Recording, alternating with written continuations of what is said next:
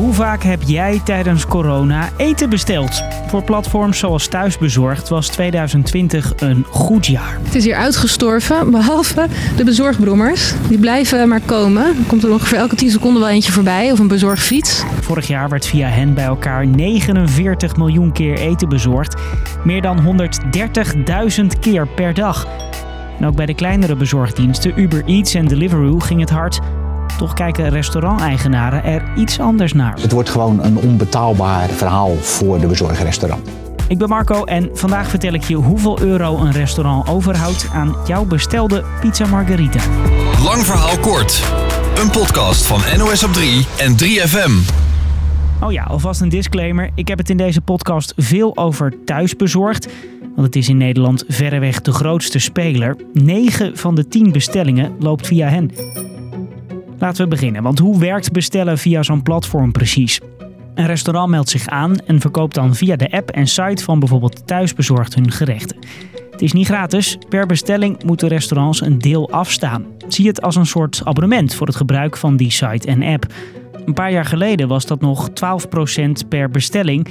En er waren toen al veel restaurants het niet mee eens. Waar wij voor bang voor zijn, het is niet meer te stoppen. Ik ga ervan uit dat het binnen, binnen een jaar of vier, vijf, dat we, dat we zeker tegen de 20% aanzetten. En daar zat hij niet ver naast. Inmiddels betalen restaurants per bestelling soms tot wel 30% commissie aan thuisbezorgd. En bij Deliveroo en Uber Eats is dat niet veel anders. Die 30% geldt trouwens alleen als thuisbezorgd ook de bezorger regelt. Fixt een restaurant dat zelf, dan pakt thuisbezorgd per bestelling zo'n 13%. Betekent dat voor een pizza van 15 euro die jij online bestelt, het restaurant tot wel 4,50 euro kwijt kan zijn aan een platform. Dat klinkt misschien als veel geld, maar dat is niet voor niks, zegt de directeur van Uber Eats. We gebruiken het eh, grootste gedeelte van die 30% voor het eh, uitbetalen van de bezorgers. Uh, en daarnaast gebruiken wij dit natuurlijk om continu onze app te onderhouden en te verbeteren. Uh, om meer, meer klanten naar onze app te, te brengen en het zorgen van goede support.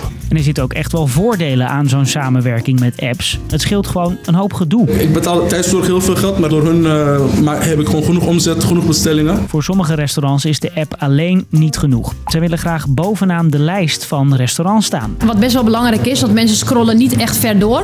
Dus als je echt naar de vijfde plek staat, dan zien ze het eigenlijk niet. Maar ook dat kost geld. Ongeveer tussen de 1 en 3 euro per bestelling, bovenop dat percentage dat je sowieso al moet betalen. Oké, okay, restaurants zijn dus per bestelling best wel wat geld kwijt aan die bezorg-apps. Zeker als je zelf geen bezorgers hebt en een beetje hoog in die app wil staan. Niet gek dus dat er best wat restaurants zijn die er geen zin meer in hebben. We zien de kosten al jaren toenemen bij thuisbezorgd. Kosten uh, reizen de pan uit. Maar kan je als restaurant eigenlijk wel zonder thuisbezorgd? Ja, zegt bijvoorbeeld deze zaak. Ik heb ze niet nodig. Ik hoef niet landelijk te adverteren voor mijn product, want ik bezorg plaatselijk. Dus mijn bereik haal ik makkelijk met Facebook, de lokale kranten, bushokjes, de voetbalverenigingen. En ook zie je steeds vaker alternatieven. Horecazaken beginnen bijvoorbeeld samen met andere bedrijven in hun stad een eigen bezorgsite. Of misschien heb jij bij je bestelling ook wel eens een briefje gehad met de vraag: bestel niet via thuisbezorgd, maar bij ons. Mag eigenlijk niet volgens de contracten met apps, maar wat ik je net heb uitgelegd, dat zit daar dus achter. Lang verhaal kort. Voor bezorgdiensten was 2020 een lekker jaar. Mede door de sluiting van de horeca konden we niet anders dan bestellen en steeg de omzet van die platforms hard. Maar voor restaurants is thuisbezorgd niet altijd een succes. Per bestelling kunnen ze tot wel 30% kwijt zijn aan thuisbezorgd.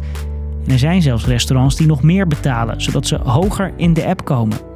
En hoe zit het dan met jouw bestelde pizza? Betaal je voor een lekkere margarita 15 euro en komt iemand van thuisbezorgd hem brengen, dan gaat er 4,50 euro naar thuisbezorgd. Stond het restaurant bewust bovenaan in de app, gaat er nog eens zo'n 3 euro weg. Betekent dat het restaurant van die bestelde margarita de helft overhoudt.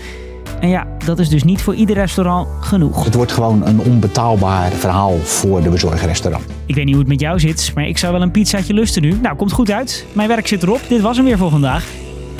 Mocht je na deze podcast nog trek hebben in nog een lang verhaal kort, morgen aan het eind van de middag is er weer een nieuwe. En er staan er nog vele in jouw podcast-app of in de 3FM-app. Bedankt voor het luisteren.